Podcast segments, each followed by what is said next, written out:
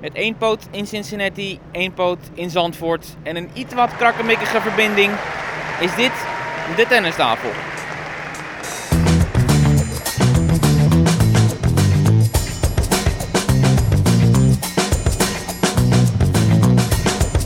Please take your seats quickly, ladies and gentlemen. Thank you.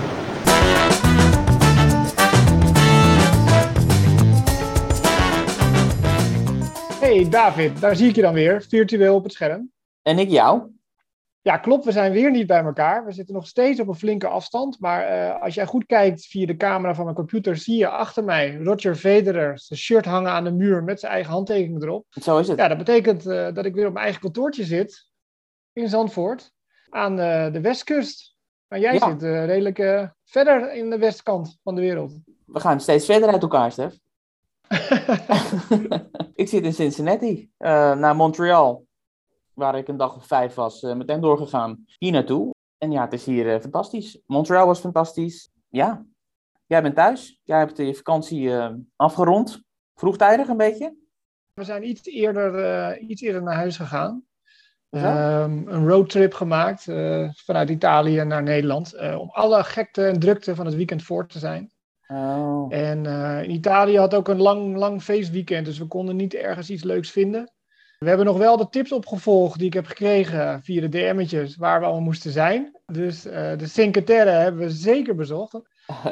Het was bloedheet, was heel mooi, was te gek. Maar uh, uiteindelijk naar huis gereden en hier thuis hebben we natuurlijk ook prachtig weer en kunnen we ook genieten. En kan ik weer tennis gaan volgen. Ja, maar nu je het zegt over het weer, want Cincinnati waar ik nu ben staat er ook wel onbekend dat het hier bloedheet kan zijn. Heel ernstig. Maar ik heb geluk dit jaar. En de spelers denk ik ook. De spelers zeker ook, ja. Want uh, de vorige week was die week van Montreal en Toronto. Nou, Montreal was ook niet heel erg warm. Toronto, waar de dames speelden, de eerste paar dagen was wel echt snikheet. Uh, maar over het algemeen is het allemaal inderdaad wel, uh, wel lekker uitgepakt voor iedereen. En hier in Cincinnati, anders dan vorige week, is iedereen weer op dezelfde plek. Vorige week in Canada verspreid, de mannen en de dames. En nu iedereen weer op een hoop, inclusief Nadal. Ja, je zegt het, Nadal is er weer bij. Dat is goed nieuws. Merk je dat ook meteen in de vibe van het toernooi? Dat, dat er weer zo'n grote, grote naam erbij is? Ja, zeker. Ik kom net van zijn training af. Nou, dat was weer het drugsbezochte feestje van het hele tennispark hier. Nauwelijks plek om te staan. Echt mensen die rijden dik op bankjes eh, vanuit de struiken. Je, kent het uh, gezicht wel een beetje. Hij speelde eigenlijk gewoon met zijn eigen team. Met die Mark Lopez ook, die natuurlijk gewoon een goed balletje nog kan slaan. Leuke was dat hij daarna werd afgelost door Alcaraz en Felix. En dan blijft Nadal gewoon zo'n minuut of 15 in het hoekje zitten. En dan is het wel geestig om te zien. Dan zie je Alcaraz die ballen slaan. En Nadal erachter op een stoeltje zitten. En Ferrero zit er ook nog bij. Dus het is echt een soort Spaanse koninklijke paleis dan ineens zo baan 5. En op het baantje daarnaast staan dan Zachary en Badoza te spelen. En Swiatek komt ze dan aflossen. Weet je, de hele wereldtop is hier. Op Novak Djokovic uh, natuurlijk na. Want die uh, komt er niet in. Al schijnt het te zijn dat dat nog misschien gaat veranderen. Er zijn wat versoepelingen aangekondigd, ja of nee. Wat precies is niet duidelijk, maar bepaalde regels zijn in review. Dus wie weet dat op, de, op het allerlaatste moment oh. die er nog binnen glipt. Dus we kunnen weer een soap tegemoet zien. Ja, om even bij Nadal te blijven. Die deed weer vakkundig wat hij het hele jaar al heeft gedaan. De verwachtingen op nul zetten. Downplayen. Hè? Ja, met, ook precies op zijn manier. Well, uh, you know, uh, abdominal. Weet je, buikspier, ik kan nauwelijks serveren. Ik heb pas drie services geslagen. Ja, ja. En dan hè, dat verhaal een beetje. Ja, nou, het is een goed recht. Het heeft fantastisch voor hem gewerkt. Staat er verder weg bovenaan hè, in de race. Dit jaar heeft de meeste punten. En dat is een van de verhalen deze week. Want hij en Medvedev die gaan strijden om de nummer 1 positie. Ook voor de eerste plek op de plaatsingslijst eh, van de US Open. Ik mag inderdaad ook voorbij komen dat Nadal meteen gebombardeerd wordt als uh, favoriet om het toernooi te gaan winnen. Uh, nou ja, er is natuurlijk één die er goed in is om van naam blessure meteen een topprestatie te leveren, is het Nadal. Dus ja, ja dat is misschien niet eens zo gek. Maar goed, ja. hij zal toch nog wel zien als test en als voorbereiding op de US Open natuurlijk. Absoluut niet. Daar werd, was hij heel streng over in de persconferentie. Iemand suggereerde inderdaad ook van wat een mooie voorbereiding dit toernooi in Cincinnati is op de US Open. Nou, die man die kreeg bijna een oplawaai. Van hoe durf je te ja. impliceren dat een toernooi als Cincinnati uh, een voorbereidingstoernooi is? Dat is een schande. Dit is gewoon een fantastisch groot toernooi. En dit toernooi is even belangrijk als dat Madrid is, als dat Rome is, als dat Barcelona is. Hè? Dit zijn allemaal toernooien die op zichzelf staan. Niks is een voorbereiding, dat is oneerbiedig. Nou, dat is natuurlijk weer heel politiek correct van uh, meneer Nadal.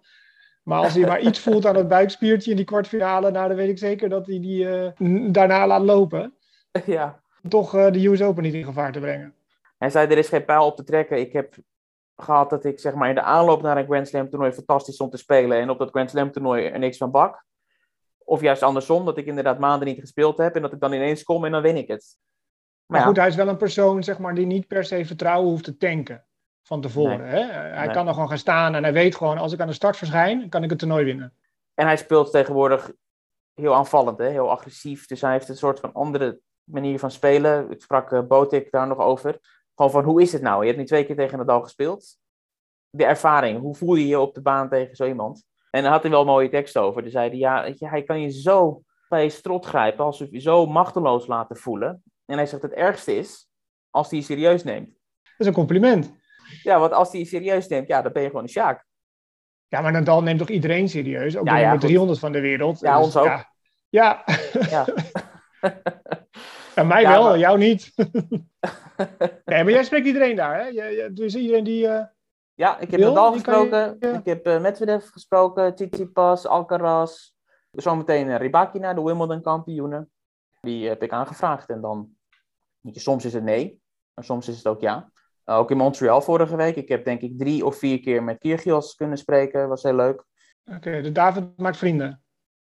Ja, op een gegeven moment dan is het inderdaad wel zo. Dan gaat het makkelijker, omdat ze weten wie je bent. Mm -hmm. En er is geen aftasten en zo meer. Ja, maar dat is ook wel een dingetje. Hè? Je hebt natuurlijk een paar journalisten die stellen de domste of raarste of irritantste vragen, zeg ja. maar. En ja, wij zijn natuurlijk wel tennisjournalisten. En het gaat, ja, gaat gewoon over tennis. Ja. En we weten er wel wat van. En dat, dat merken ze dan wel, waardoor je dat respect een beetje heen en weer krijgt natuurlijk. En waar je wat makkelijker die interviews gaat krijgen. Ja, en wat je natuurlijk hebt op toernooien is dat er altijd een klein groepje lokale pers is. Dus van ja, het lokale krantje. Ja, die krijgen accreditaties en dat is ook wel terecht. Het is tenslotte in hun gemeenschap. Maar ja, daar komen wel eens inderdaad wat vreemde momenten en vreemde vragen uit. Maar er is wel een, vaste kern van reizende journalisten, ook niet altijd overal aanwezig. Ja, Montreal, uh, ja, je komt er vandaan. Mooie winnaar. Trainer Busta is gewoon een goede hardcourt-speler. Ja, zeker, zeker. Niet voor niets zo goed gedaan op de US Open. Twee keer de halve finale gehaald. Ja, precies. En dan nu een Masters 1000 titel erbij. Tegen Hoerkarts in de finale. Maar ja, wat vond je van de finale? Weet ik niet. Want op dat moment was hier in Cincinnati al de mediadag gaande. En al die interviews die ik net noemde, ja, die worden dan gewoon gepland. En dan wordt er geen rekening gehouden met de finale in Montreal. Want de meeste spelers zijn hier al. Ik heb wel een paar highlights gezien. En dan, dan vraag ik me toch af, hoe kan zo'n hoerkarts dan toch weer zo ver komen? En dan zie je van die X-beentjes, terwijl hij best wel snel is. En het ziet er allemaal lomp uit en niet gestileerd. Ja. Maar het werkt wel. Ja, het is wel goed. En hij heeft natuurlijk een service waar je van droomt. Ja. Dat was ook zoiets, want Kyrgios die speelde ook tegen hem. En ik vroeg aan Kyrgios, kan je een soort voorbeschouwing geven op die wedstrijd tegen Hurkacz? Zei hij, ja, poeh, ik heb in Halle tegen hem gespeeld, uh, sloeg hij 30 aces uh, voorbij me. Dus ik hoop dat ik dat iets beter ga inschatten allemaal. Dus ja, weet je, met zo'n service, dan is het half uh, werk gedaan. Nou ja, die wedstrijd hebben we dus niet gezien, dat is lekker. Nee, ja goed, uh, sorry daar niet langer over te hebben. En, ja. ja, Simone Halep heb ik ook niet gezien. Die heeft gewonnen van Haddad Maya. Ja, Haddad Maya de top 20 in en Halep terug in de top 10. Eén ding wat een beetje trouwens achterwege is gebleven bij die Haddad Maya, die natuurlijk een fantastisch jaar draait. Dat weet niemand denk ik meer. Ik hoor niemand er ook over. En wij hebben het ook niet eerder aangekaart, maar ineens ging het lampje weer bij me branden. Die heeft natuurlijk tien maanden eruit gelegen door een dopingschorsing, twee jaar geleden. Die was oh ja, tien maanden lang geschorst omdat ze iets verkeerds had uh, genomen. Nou, die is toen helemaal weggezakt, afgezakt, helemaal op nul moeten beginnen. En die heeft dus alles wat ze nu dit jaar presteert. Dat is razend knap. Echt, echt vanuit niks. Do haar... Doping werkt dus niet. Nee. dus iedereen die het overweegt, doe het ja, niet. Ja. het werkt niet. Dan beter clean. Kijk, ja. als ze clean is, dan wint ze alles. Ja, ja, ja. Uh, wat ook werkte, was Wesley Koolhof met Niels Koepski. Zeker. Die wonnen een Masters toernooi in uh, Montreal. Was hun zesde titel dit jaar samen. Verschillende ondergronden. En uh, ja, de bevestigen hun ja, aanvoerschap van uh, de wereldranglijst als dubbelteam. Mm -hmm. En Wesley individueel stijgt hij naar plek 3. Ja. Career high. Ja, fantastisch. Ja, uh, ja, dan gaat natuurlijk weer op van, nou, US Open laat maar komen. De slams willen het nog niet helemaal lukken. Het gaat toch een keer komen, het gaat toch een keer lukken, zou je denken. Het moet een keer vallen gewoon. Ja, de vorm is er. waren vier Zeker. spannende potten en eh, knappe prestatie wederom. Ze moeten gewoon voorkomen dat het zeg maar in het hoofd gaat zitten van oh, het is weer een Grand Slam en oh, daar presteren we niet goed. Want daar zijn natuurlijk talloze voorbeelden van, van spelers, of het nou single of dubbel is, dat ze dan een soort van choke ervaren op de majors. Ja, Ze moeten daar niet in gaan geloven, zeg maar, in hun eigen ongeluk. nee, want zo'n Masters toernooi zijn gewoon dezelfde koppels. En als je dat kan winnen, ja, nee, absoluut. Dus ze gaan als topfavorieten eh, naar New York. Nu we het toch over de dubbel hebben, we hebben een nieuwe nummer 1 bij de dames. Ja, Jonkie ook nog. Coco Gauff, nummer 1 van de wereld, 18 jaar. Die zag ik niet aankomen aan het begin van het jaar. Ik dacht van, eh, golf is de nummer één in dubbelspel. Ja, maar echt respect voor dat ze dat gewoon doet parallel. Want ze speelt ook veel in de single. En dat is een beetje hè, het oude systeem. Want in, in de jaren 70, 80, 90 deed iedereen dat. Dat ze alles speelden. En ja, het kan nog dus. Ook Ja, je nu. kan beter dubbelen dan trainen. Ja, vind ik ook. En ze speelt met Pegula. Precies, ook niet echt dat je zegt van echt een dubbelspecialist die eh, golf bij de hand neemt. Dat is ook gewoon een enkel speelster die eh, ja, het erbij doet, lijkt het wel. Maar ja, het werkt. Kijk, Ja. Elise Mertens is natuurlijk ook nummer één van de wereld geweest in dubbelspel. En een goede singelaarster. Absoluut.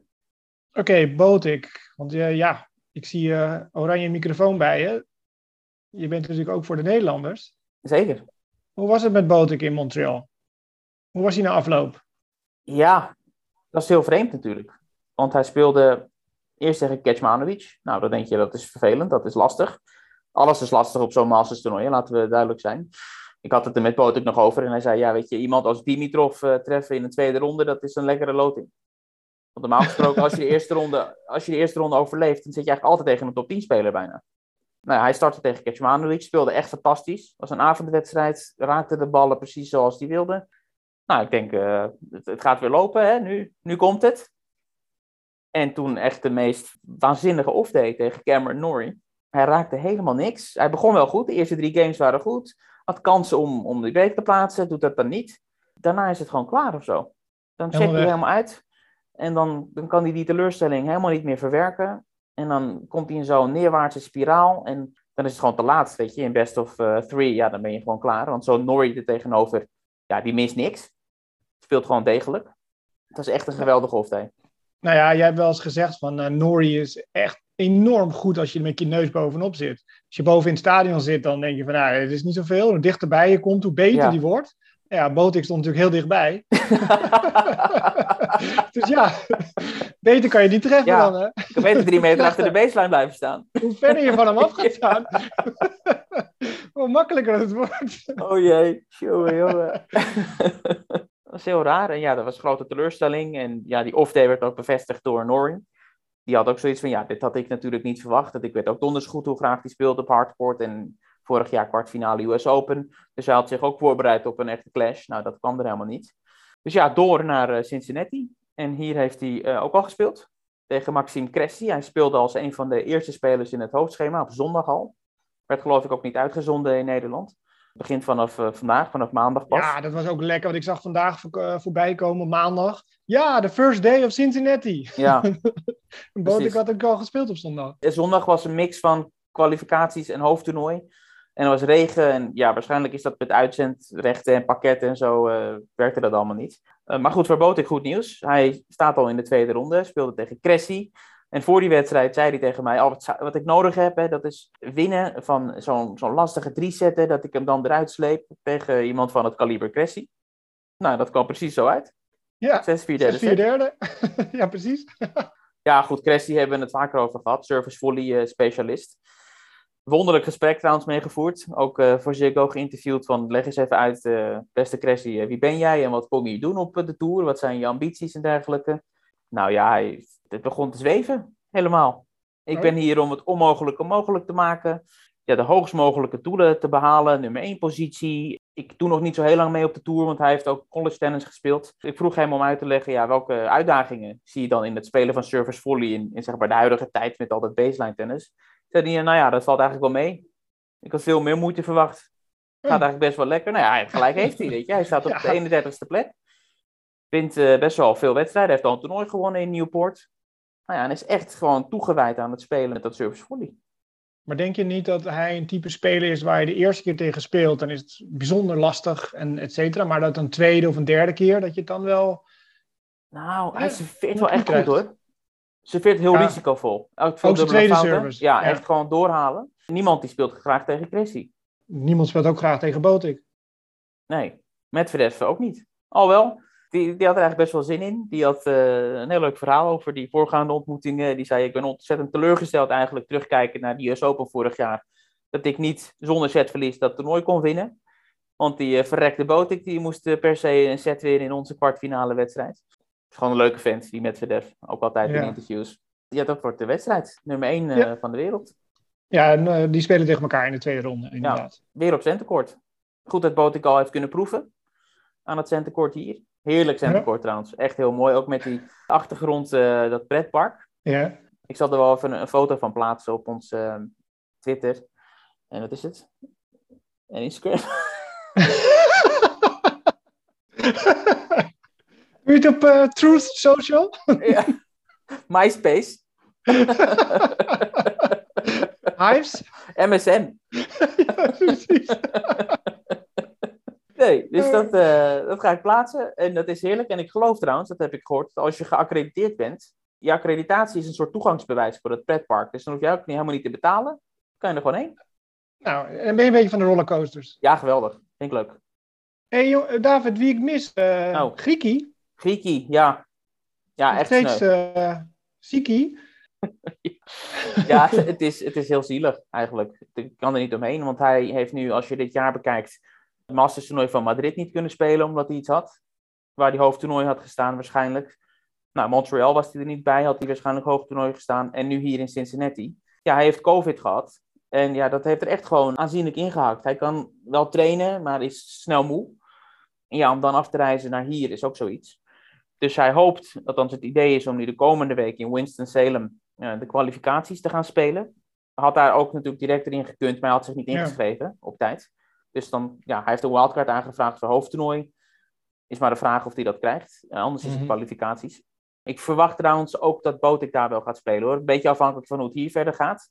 Goed, hij kan natuurlijk verliezen van Medvedev in de tweede ronde. Dan denk ik dat hij misschien ook wel daarin gaat. Want het is ook iets wat hij aangaf. Hij mist wedstrijden. Vindt Mhm. hij zelf. Ja, ik weet niet of dat helemaal terecht is. Want ja, hij speelt gewoon week in, week uit. Ja, misschien niet elke keer kwartfinale, halve finale. Maar ja, dat moet je ook niet verwachten op Masters Mhm. toernooi. Dat je elke keer zo ver komt. Dus ik denk dat we komende week Griekspoor en Botik op dezelfde plek gaan zien. Tim? Tim van Rijthoven? Die zou ook naar Amerika afreizen. Ja. Maar, want die eh, staat natuurlijk wel in de US Open. Ja, die zou een hele Amerikaanse tour ook doen, hè? Met Cincinnati kwalificaties en wat challengers. En eigenlijk niet zoveel van terechtgekomen. Helaas, die boys eh, missen we. Het nieuws is wel bekend geworden dat ze in het Davis Cup team zitten, wat de finals gaat spelen. Inclusief Tim van Rijthoven. Dus we hebben Botik, Tellen, Wesley Koolhof en Matwee De- Middelkoop. Geen Robin Hazen. En dat is Tim van Rijthoven geworden. Het lastige was denk ik Royer of Middelkoop, hè? Was denk ik het belangrijkste. En dan moet je denk ik gaan kijken naar wat het best klikt. Welke koppels. En dan hebben ze denk ik gezien dat Matwee en Wesley, dat dat beter gaat dan eh Royer en Wesley. Dat, Ja. dat was de moeilijkste afweging. Kijk, Wesley is ja, nummer 1 in het dubbelspel, dus die stond inderdaad. En dan heb je uh, Matwee of Royer en inderdaad gekozen. Ja, en Robin Hazen, ja. Hij heeft zoveel betekend voor het Davis Cup team in het verleden. Maar ja, je kan niet te lang blijven hangen in het verleden natuurlijk. Alle respect voor zijn carrière en wat hij gedaan heeft voor, voor Oranje. Hij heeft echt die car misschien wel tien jaar lang getrokken, single en dubbel. Mhm. Altijd beschikbaar gesteld. Ja, Tim is hem wat dat betreft gewoon voorbijgesneld. En zeker op hardcourt kan Tim natuurlijk wel wat uitrichten. Eventueel als stand-in. Dat is logisch. Ja, dat kan er niet omheen. Het is sneu voor hem, maar ik denk dat dit eh, de enige... Het enige is dat, dat er niks moet gebeuren met Matwee of Wesley. Want dat zijn natuurlijk wel Ja. echte dubbelaars. En. Robin was natuurlijk ook goed in het dubbel. En nog steeds is hij top 100 materiaal in het dubbelspel. Dat risico neem je dan een beetje. Ja, Maar ja, die spelen dan eh, half september in eh, Glasgow. Tegen Groot-Brittannië, Kazachstan en Amerika. Zal ik even snel de teams noemen, de invulling van die teams? Dan hebben we het helemaal, helemaal rond. Groot-Brittannië heeft Andy Murray. En Ja. eh, Cameron Norrie, Daniel Evans en Joe Salisbury. Salisbury.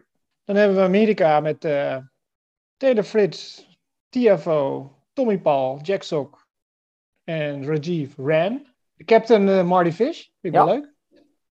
Kazachstan natuurlijk met, nou die mag jij doen, Kazachstan. Ja, als ik het lijstje voor mijn neus had gehad, dan had ik het kunnen doen.